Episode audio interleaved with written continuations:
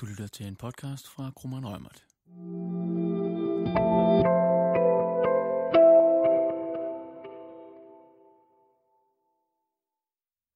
Hej, velkommen til dagens podcast. Mit navn er Tina Brygger Sørensen fra Kroman Rømert, og med mig her i dag har jeg min kollega, Dejga Grunde Sonne. Velkommen til, Dejga. Tak. Vi vil i dag tale lidt om compliance inden for persondataret. Det er sådan, at vi har holdt et seminar hos Kroman Rømert den 20. og 21. september om ligneragtig compliance inden for persondataretten. Og det er sådan, at hos Kroman Rømert, der har vi arbejdet lidt ud fra en model, en compliance-model, hvor vi har inddelt det i seks faser, og vi vil nu kort komme ind på hovedtræk, hvad der gælder inden for de seks faser.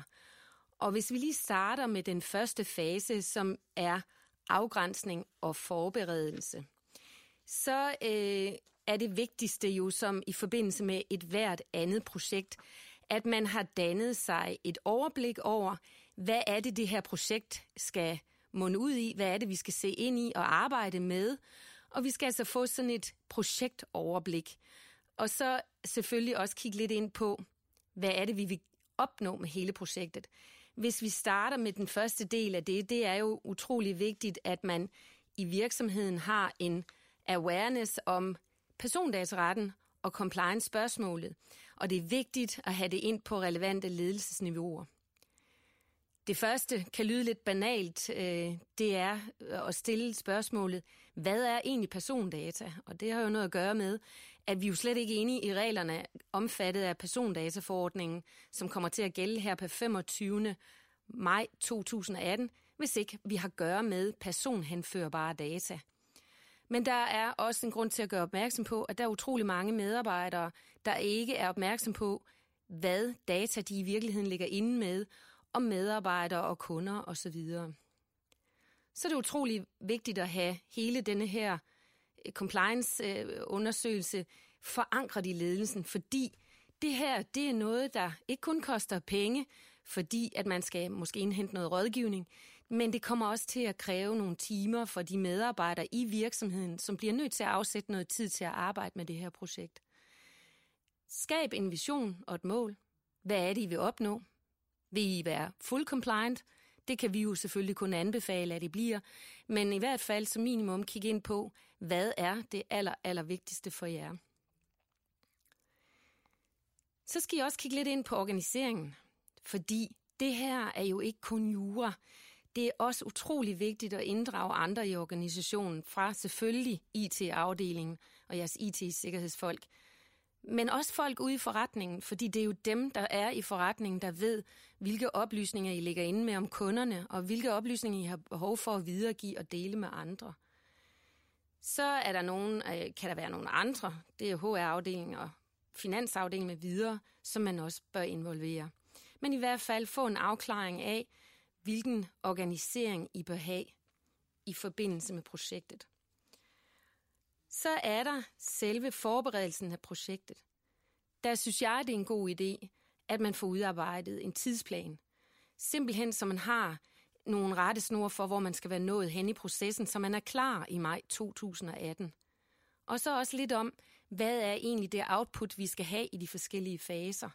Er det nogle øh, dokumenter, vi skal have klar, osv så er det også vigtigt, at man selvfølgelig ser ind i de dokumenter, I allerede ligger inde med, og som I har lavet. Der er jo rigtig mange virksomheder, der heldigvis i dag allerede har nogle politikker på det her område. Og så skal man selvfølgelig også være opmærksom på, at det ikke kun persondataforordningens regler og de, i, de nugældende regler i persondataloven, der finder anvendelse for jeres virksomhed. Der kan jo sagtens være andre regler, for eksempel særregler inden for sundhedslovgivningen, eller lignende, som I også skal tage højde for i hele den her proces.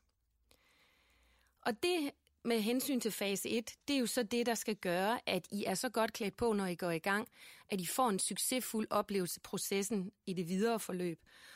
Og Daiga, når vi nu kigger videre så på fase 2, det er jo sådan en analyse af datastrømmene. Hvad kan du sige om det? Jeg kan sige det, at det er i hvert fald meget, meget vigtigt step. Og det er fordi, at øh, et sted, hvor man skal starte, det er jo at finde ud af, hvilke data man behandler, Hvem anvender dataene? Til hvilke formål? Hvem har adgang? Videregiver man dem? Og der er det altså rigtig vigtigt, at man kan finde ud af, hvor dataene flyder hen. Når man skal analysere sine datastrømme, så skal man jo finde ud af, hvordan billedet ser ud i virkeligheden. Og man kan tage to forskellige tilgange til det. Øh, man kan tage procestilgang, og der tager man udgangspunkt i de processer, der er i virksomheden. Altså, for eksempel har man kunder, når man så onboarder en ny kunde, hvordan gør man i de processer?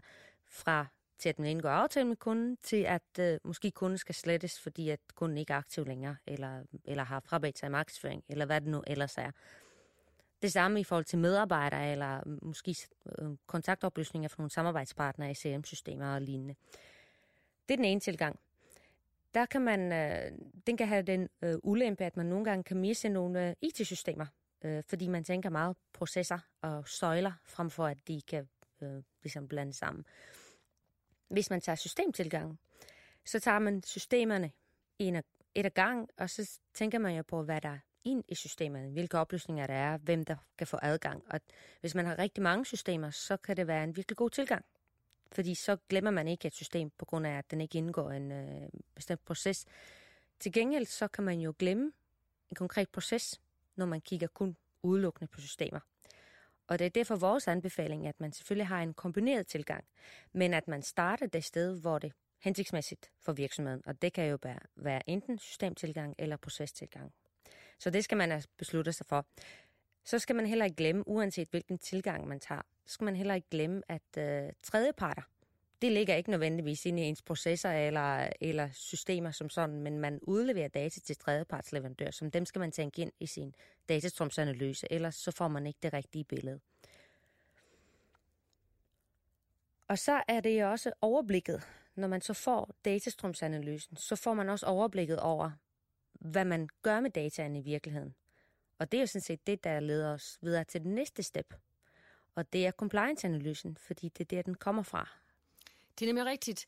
Det er jo der, hvor man så har overblikket over, hvilke oplysninger man behandler i virksomheden, og så skal ind og få foretaget en vurdering af, om data, persondatabehandlingen den er lovlig i forhold til de gældende regler. Og der er det jo så, at man skal lave en eller anden form for gap-analyse, altså en analyse af, hvad er det for nogle huller, vi har i vores virksomhed, og hvad skal der til for, at vi kommer til at blive compliant. Og nogle af de grundlæggende ting, som man skal kigge ind i, i selve compliance-analysedelen, det er jo for eksempel, overholder vi i virksomheden de grundlæggende behandlingsregler? Har vi de fornødne hjemler? Det kan for eksempel være et samtykke. Er samtykke tilstrækkeligt? Og overholder det de nye strenge krav, der kommer til indholdet af et samtykke? Det er også noget at kigge ind i, hvordan håndterer vi de registreredes rettigheder? Og øh, som Dijker også nævnte, bruger vi databehandler? Har vi nogle eksterne samarbejdspartnere, som vi udveksler data med? Simpelthen også at huske at kigge ind i de databehandleraftaler, om de overholder de nye strengere krav, der kommer i forordningen. Noget, der bestemt også er vigtigt at se på, det er så noget, som overholder vi kravene til datasikkerhed. Hvis vi overfører data til udlandet, har vi så den fornødende hjemmel til at overføre til de lande, det må, øh, der måtte være i spil. Og noget andet er så, noget er jo omfattet en anmeldelsespligt. Og hvis vi er omfattet en anmeldelsespligt, har vi så de fornødne tilladelser. Og når vi så har kigget ind i alt det, så er meningen jo lidt, at vi laver sådan en gap-analyse, som beskriver, hvor det er, vi som virksomhed ikke lever op til reglerne. Ikke at jeg siger, at I ikke lever op til reglerne, men hvis I ikke gør det, så er det jo her, vi kommer frem til den analyse, hvor vi så laver en compliance-rapport med angivelse af nogle helt konkrete konklusioner og anbefalinger til, hvad vi gør herfra. Og der så kommer vi så til selve handlingsplanen. Ja, nu sagde du jo, der var nogle anbefalinger inde i den der rapport. Forhåbentlig er de så konkrete, at man kan lave sådan en handlingsplan ud af det, fordi det er jo det den næste step, man skal ligesom finde ud af, hvad det er lige præcis, man skal gøre. Og handlingsplanen, det skulle helst være så konkret som muligt, sådan at man tager anbefalingerne og tænker, hvad er det, man kan gøre for ligesom at udfylde de der huller, man lige har opdaget i gap-analysen. Øh, det, bør, det bør også have noget prioritering i det, nogle deadlines, ansvarsfordeling, fordi en, en plan virker aldrig, hvis man ikke har nogen, der, har, der skal have ansvar for det, og hvis det ikke skal gøre det inden for et bestemt tidsrum. Og så vil jeg sige, at indholdet af handlingsplanen, det afhænger jo meget af, øh, hvad det er for nogle data, man behandler, og hvad det er for nogle huller, man har opdaget. Men nogle eksempler på, hvad det kan være.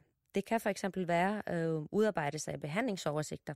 Der er jo dokumentationspligt fremadrettet, med mindre man er under 250 medarbejdere.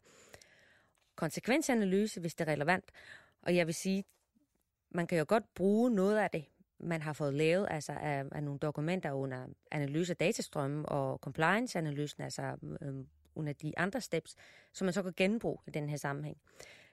Så skal man kigge på, om man skal udarbejde nogle politikker og retningslinjer, for eksempel ny IT-politik, eller skal den tilpasses? Måske nogle guidelines for øh, for eksempel håndtering af indtægtsbegæringer eller lignende.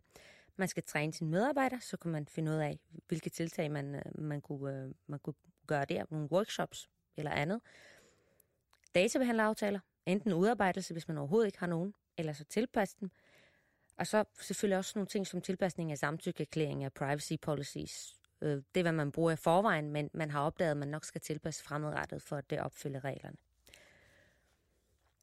Og efter man har fået lavet sådan en handlingsplan, så handler det jo faktisk om at implementere det. Det er rigtigt. Og når vi så skal til at eksekvere handlingsplanen, så er det, at vi skal kigge ind i de anbefalinger, som Deiger lige har nævnt øh, de helt konkrete anbefalinger, der er gældende i virksomheden. Og så er det jo simpelthen at gå i gang med at udarbejde de dokumenter, som er fornødne, og så også at sørge for, at man er klar til at implementere de nye processer, som man er blevet enig med sig selv om, skal i gang sættes.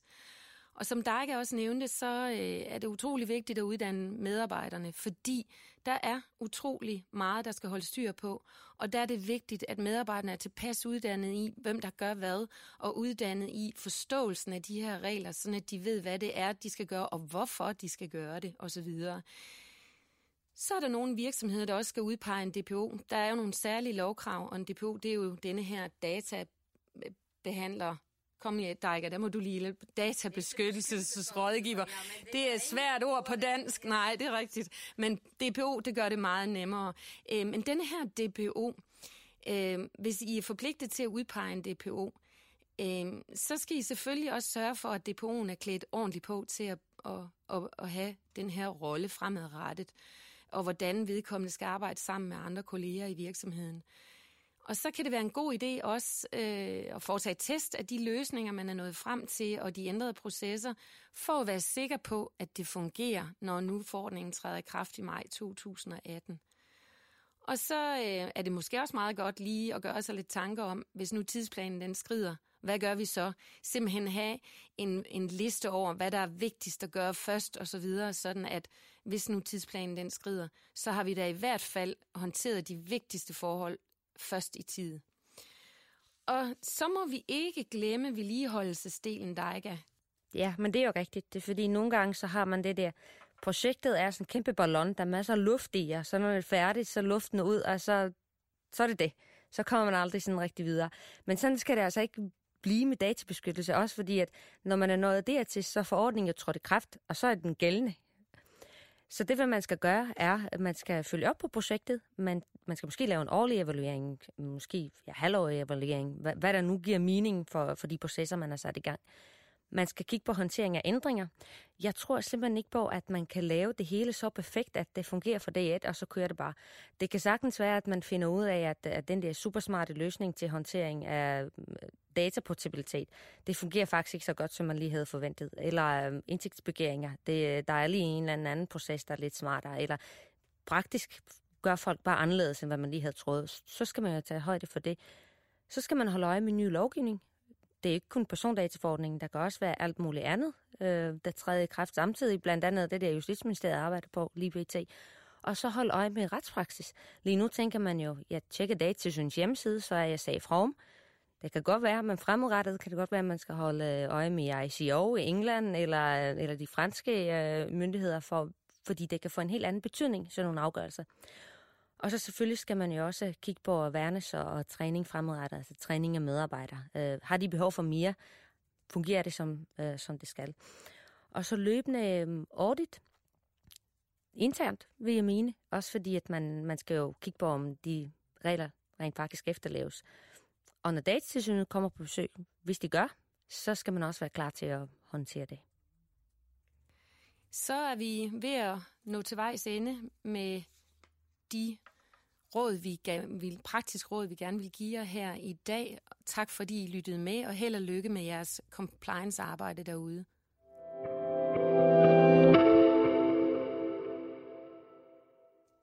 Du har lyttet til en podcast fra Krummeren Rømert. Har du spørgsmål til vores specialister, kan du finde deres kontaktinfo på vores hjemmeside www.krummerrømert.com. Der kan du også finde mere indhold om corporate compliance og persondata. Tak fordi du lyttede med.